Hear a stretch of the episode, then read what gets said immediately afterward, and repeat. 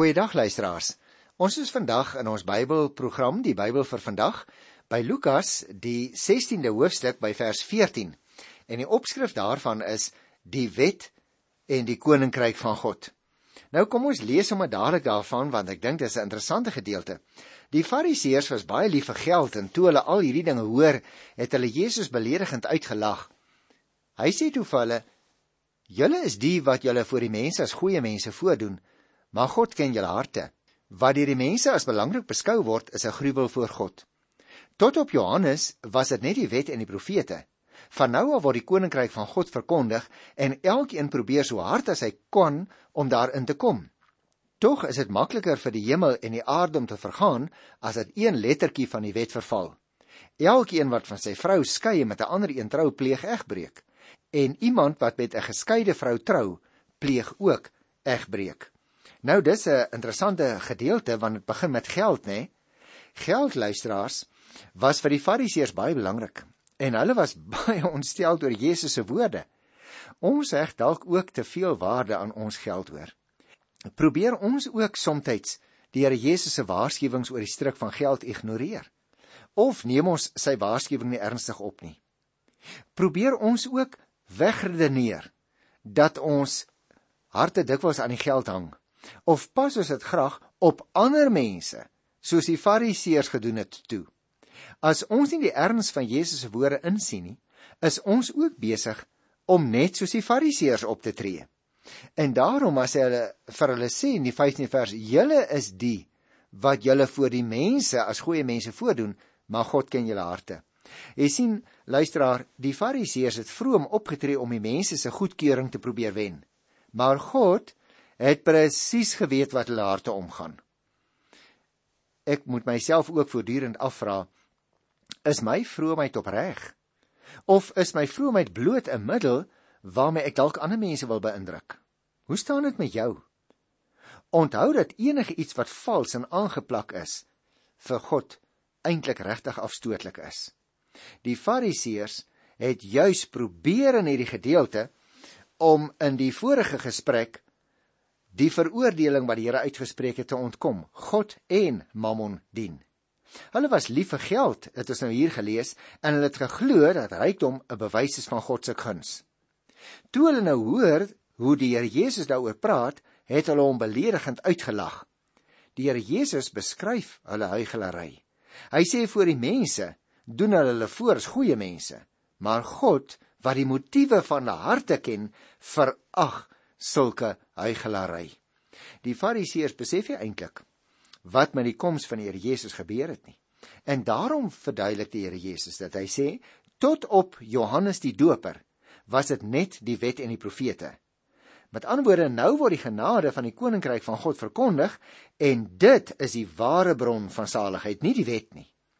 Daarom kan elkeen wat dit met sy hele hart begeer ingaan in die koninkryk van God. Dit beteken natuurlik nie dat die wet opgehef is nie, luisteraars. Die wet kan nie sy krag verloor nie, want dit is die wil van God. Wetsvervulling is egter nou die vrug van genade. Ek probeer nie die wet nakom sodat ek gered kan word nie, maar ek probeer dit nakom omdat ek reeds gered is. Daarom sê ek die wet is nou eintlik die wetsvervulling is nou eintlik die vrug van die genade. En daarom die 18de vers waar die Here Jesus uh, praat oor elkeen wat sy vrou skei met 'n ander een trou pleeg egbreek en iemand wat met 'n geskeide vrou trou pleeg ook egbreek. Hoekom sou hy dit sê?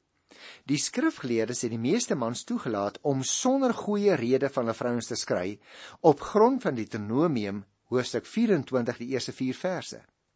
En hierdie gebruik ook van 'n skeibrief te gee is gebaseer op die praktyk waaruit dit gebleik het dat 'n mislukte huwelik wat gedwonge moet voortgaan dikwels erger ellendes veroorsaak. Jesus se uitspraak oor egskeiding gaan egter nie uit van die swakheid van mense nie, maar van die beginsel dat die huwelik deur God ingestel is en daarom nie verbreek behoort te word nie. Die Here Jesus stel dit nou baie duidelik dat die huwelik 'n lewenslange verbintenis behoort te wees.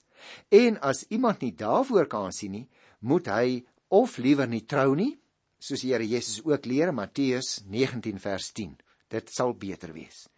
As jy dalk 'n huwelik oorweeg, luisteraar, Onthou dat dit 'n baie ernstige saak is en besin baie deeglik voordat jy die belangrike stap neem. Maak seker dat dit die persoon is wat die Here op jou lewenspad gebring het. En kyk nou kom ons baie baie interessante gelykenis, naamlik die ryk man en Lazarus. En hierdie gelykenis interessant, dit sluit aan by eh, vers 15. Met ander woorde, dit wat mense as belangrik beskou, is 'n gruwel voor God. Die gedagte wat gaandeweg op die voorgrond gaan tree in hierdie gelykenis van die ryk man en Lazarus, is dat in die koninkryk van God die rolle omgekeerd is.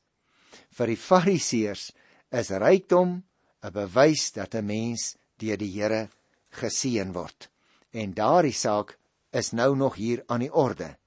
Daarom het die Here Jesus, ek dink ek hulle seker eintlik geskok toe hy die gelykenis van die ryk man en Lazarus vertel het, van die arm bedelaar wat beloon word en die ryk man wat gestraf is. Nou goed, kom ons lees eers hierso by vers 19 tot 21. Daar was 'n ryk man wat duur en deftige klere gedra het en elke dag feestelik en weelderig gelewe het. En daar was 'n arm man met die naam Lazarus wat by die deur van die ryk man gelê het in die hoop dat hy van die oorskiet van die ryk man se tafel te eet sou kry. Die arme man was oortrek van die sweere en selfs die honde het aan hom kom lek. Jy sien luisteraar, hier staan ryk en arm radikaal teenoor mekaar.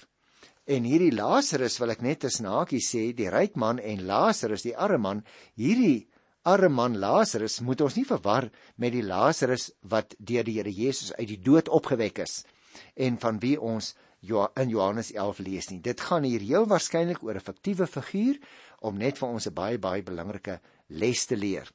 Die ryk man se duur en deftige lewe was deel van 'n vaste patroon. Wanneer staan dit het elke dag so gegaan. Sy naam word nou nie genoem nie. Die arme man se naam word wel genoem, naamlik Lazarus, wat beteken God help.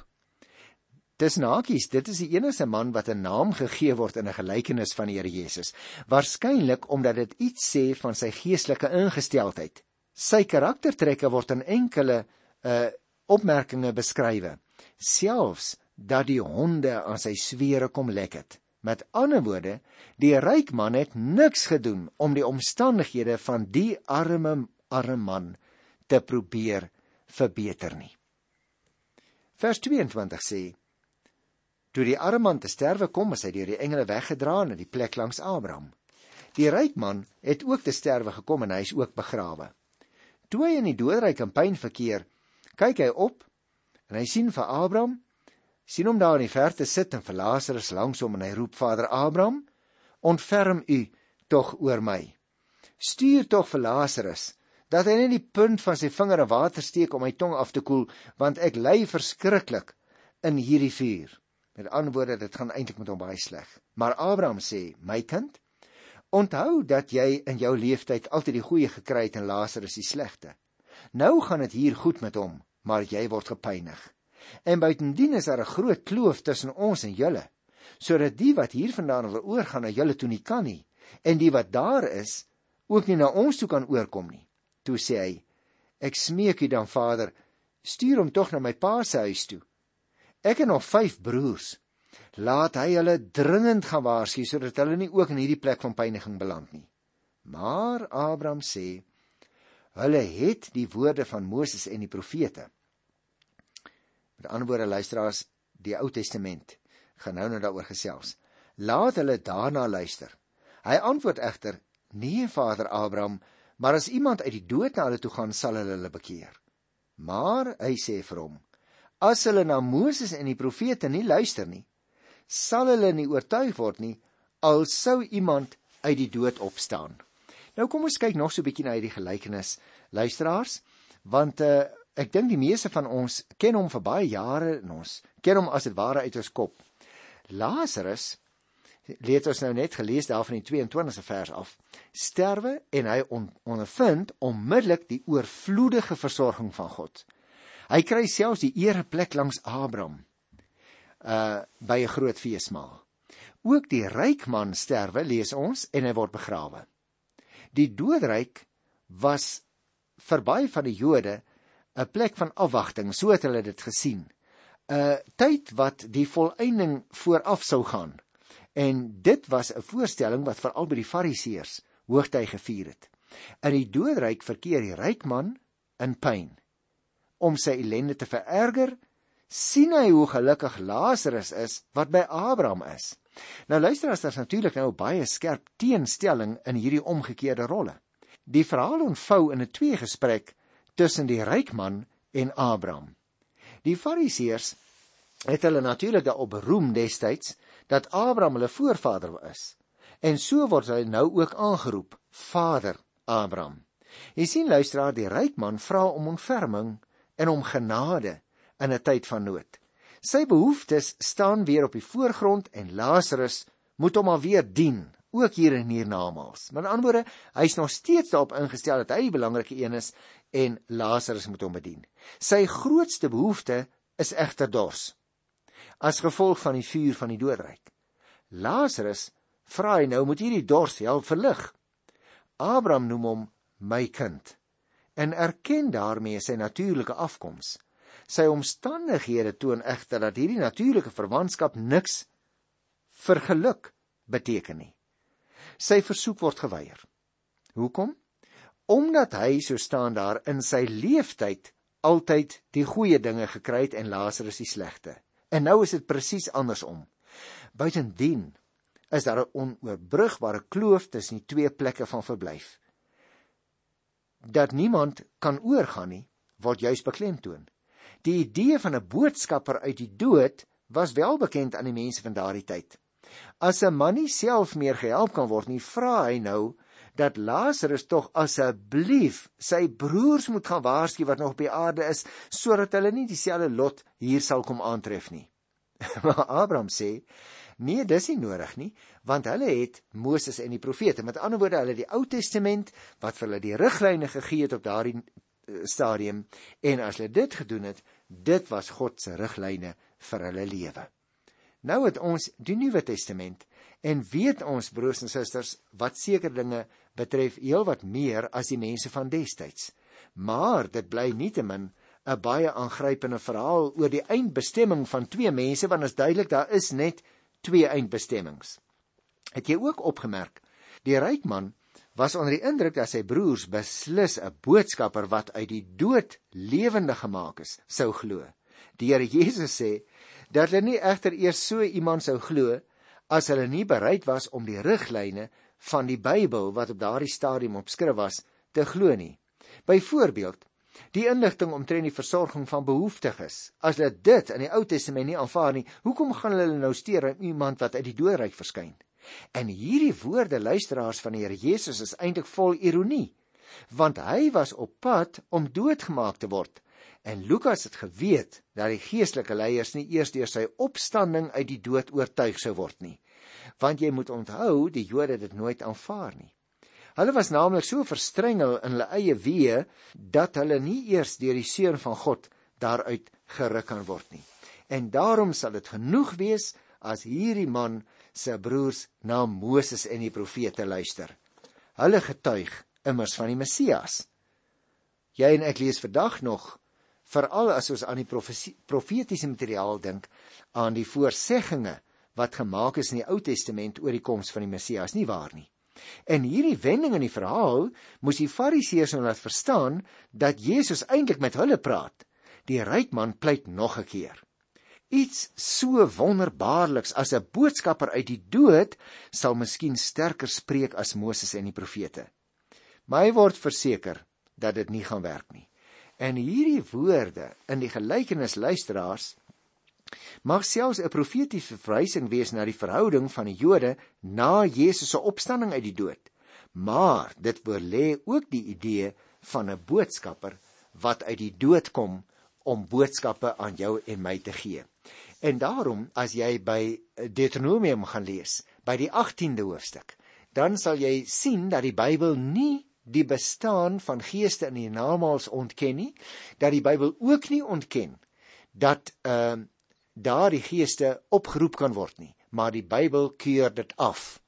As jy gaan lees in die verhaal van Samuel wat uh, opgeroep word deur die towerheks van Endor, dan sal jy in 1 Kronieke 10 vers 13 lees en dis die enigste plek waar dit staan dat Saul gesterf het uh omdat hy 'n uh, gees 'n uh, afgestorwene om inligting gevra het. So die Bybel ontken nie dat dit kan gebeur nie, maar die Bybel keur dit af. Nou of hierdie gelykenis van die ryk man en Lazarus 'n historiese basis het, val te betwyfel. Maar ek dink dit is 'n verhaal wat vir ons wil sê jou eindbestemming word bepaal aan hierdie kant van die graf. Maar dit is sulke belangrike materiaal dat ek voordat ek aangaan met die volgende gedeelte, so bietjie wil gesels uh op 'n baie eenvoudige manier dat ons dat ons kan snap hoe ons ons eie lewe van tyd tot tyd net 'n bietjie moet beoordeel. As ek nou vir jou sou sê, kom ons speel 'n video van jou lewe. Wat gaan jy daarop sien? Wat wil jy graag daarop sien?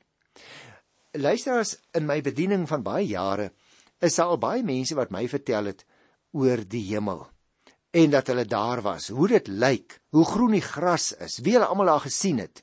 Nou toe ek 'n kind was, het ek self ook nogal dikwels oor die hemel gedroom.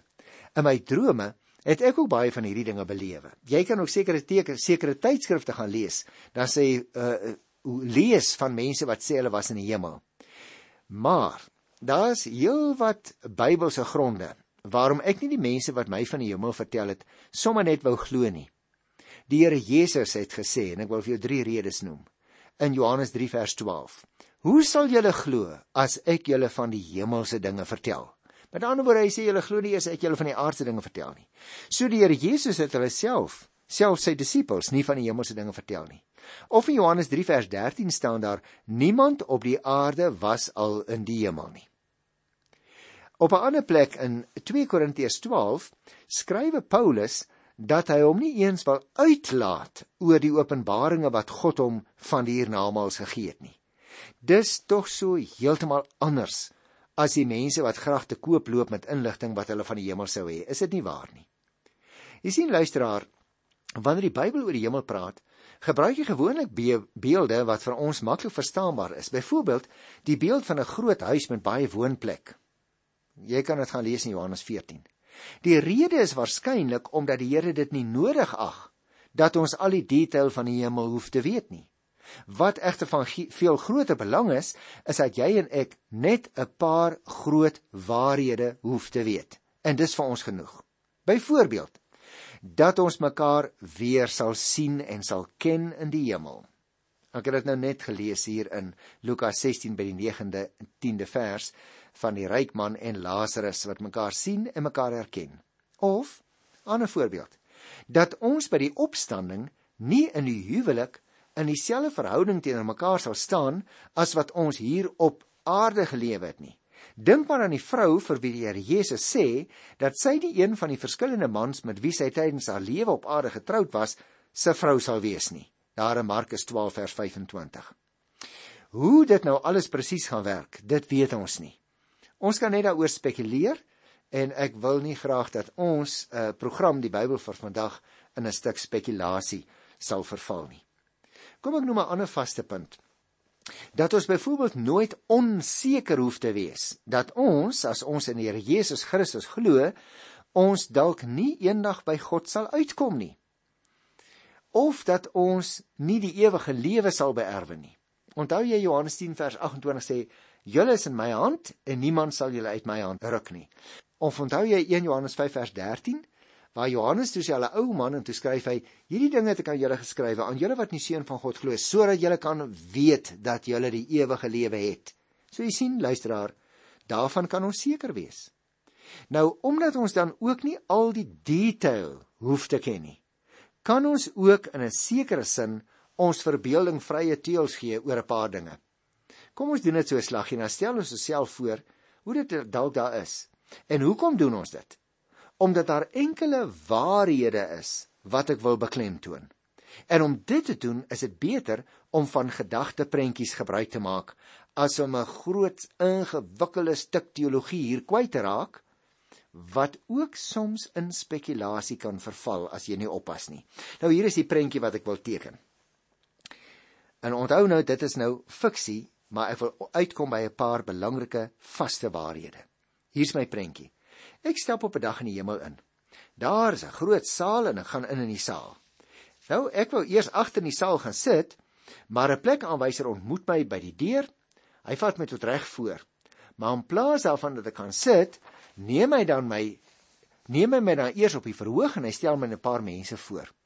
Hierdie ou het nou net hier in die hemel aangekom sê vir die ander man. Ons wil vir hom so 'n bietjie welkom sê. Maar uh voordat hy gaan sit, gaan ons net eers so gou 'n bietjie na 'n video van sy lewe kyk. En toe neem hy ou my van die verhoog af en laat my op 'n stoeltjie wat so 'n bietjie hoër is as die ander stoele is sit. Almal kan my baie goed sien en toe begin hy die video wys. Ek het ontsettend gespanne gevoel, maar toe die eerste tonele verskyn, het ek begin ontspan. Nou wil ek jou graag 'n paar vrae vra. Kom ons aanvaar vir 'n rukkie. Dit is hoe dit in die hemel gaan wees as ons daar aankom. Hoewel ons weet dit gaan nie noodwendig so wees nie. Wat nou as dit nou so is? Wat is die tonele uit jou lewe wat jy graag op daardie video sal wil sit en bekyk saam met die ander mense wat daar gaan wees? Of wat is die tonele wat jy graag uitgesny sal wil hê uit jou lewensvideo? En wat jy hoop ander mense nie hoef na te kyk nie. Kom ek vra jou nog 'n vraag.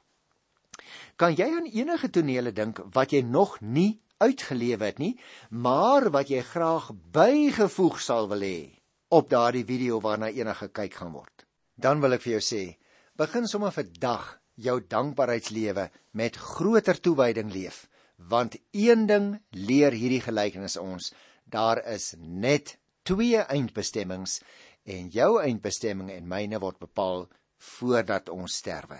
Daarna kan ons niks meer daaraan doen nie. Kom ons doen nog, ons het 'n paar minute, 'n uh, volgende stukkie hier in Lukas by die 17de hoofstuk. Jesus het vir sy disippels gesê: "Dit is onvermydelik dat daar dinge kom wat mense laat struikel."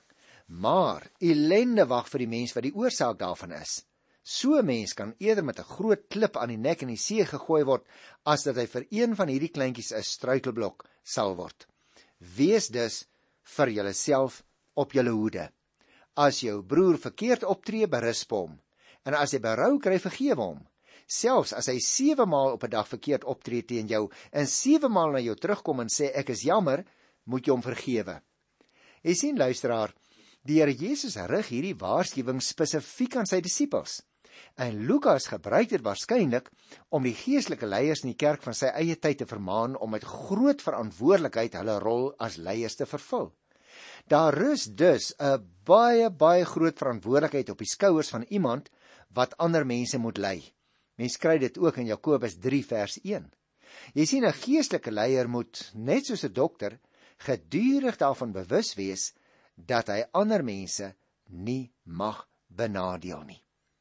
As ons dus iemand regwys, dan beteken dit nie dat ons elke sonde waarvan ons weet vir daai persoon wil onderstreep nie. Nee, dit beteken dat ons sy aandag op 'n sonde sal vestig en die doel van so 'n regwysing is dan dat ons by God en by medegelowiges herstel kan vind.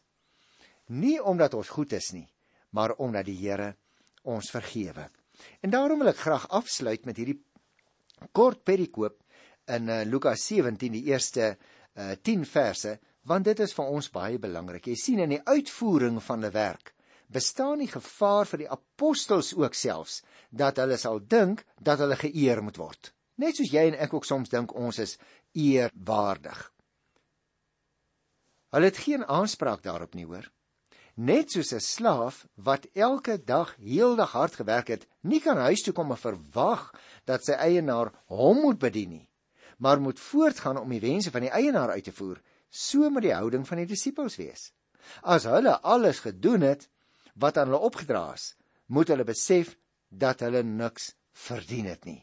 Dit wil nie sê dat ons nie goeie dinge moet doen nie. Ons doen dit uit dankbaarheid, maar nie om daardeur gered te word nie. Luisteraars, ek groet julle dan op hierdie punt tot volgende keer. Totsiens.